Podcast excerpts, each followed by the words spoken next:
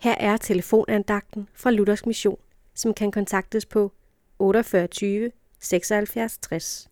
Andagtsholderen i dag er Bent Nielsen.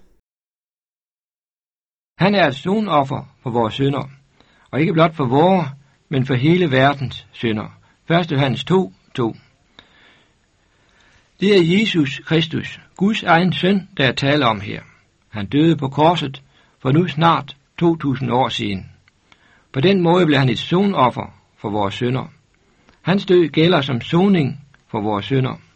Han døde ikke bare for dem, Johannes indbefatter under ordet vore, dem han skrev til dengang, dem som troede på Jesus som deres frelser.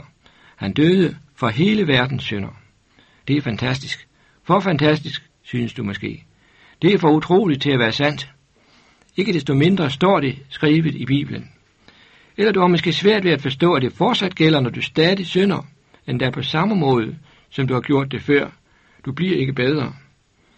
Eller du har måske svært ved at forstå, at det fortsat gælder, når du stadig er den samme.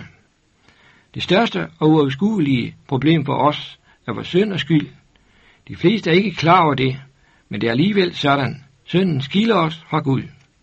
Jesus lagde ikke skjul på det, men han sagde selv, for således elskede Gud verden, at han gav sin enborne søn, for at enhver, som tror på ham, ikke skal fortabes, men har evigt liv.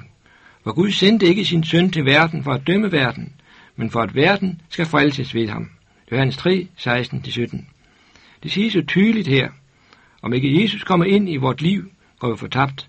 Men Gud var lovet, han kom for at frelse syndere, også dig og mig, for Jesus blev sonoffer for vores syndere. Amen.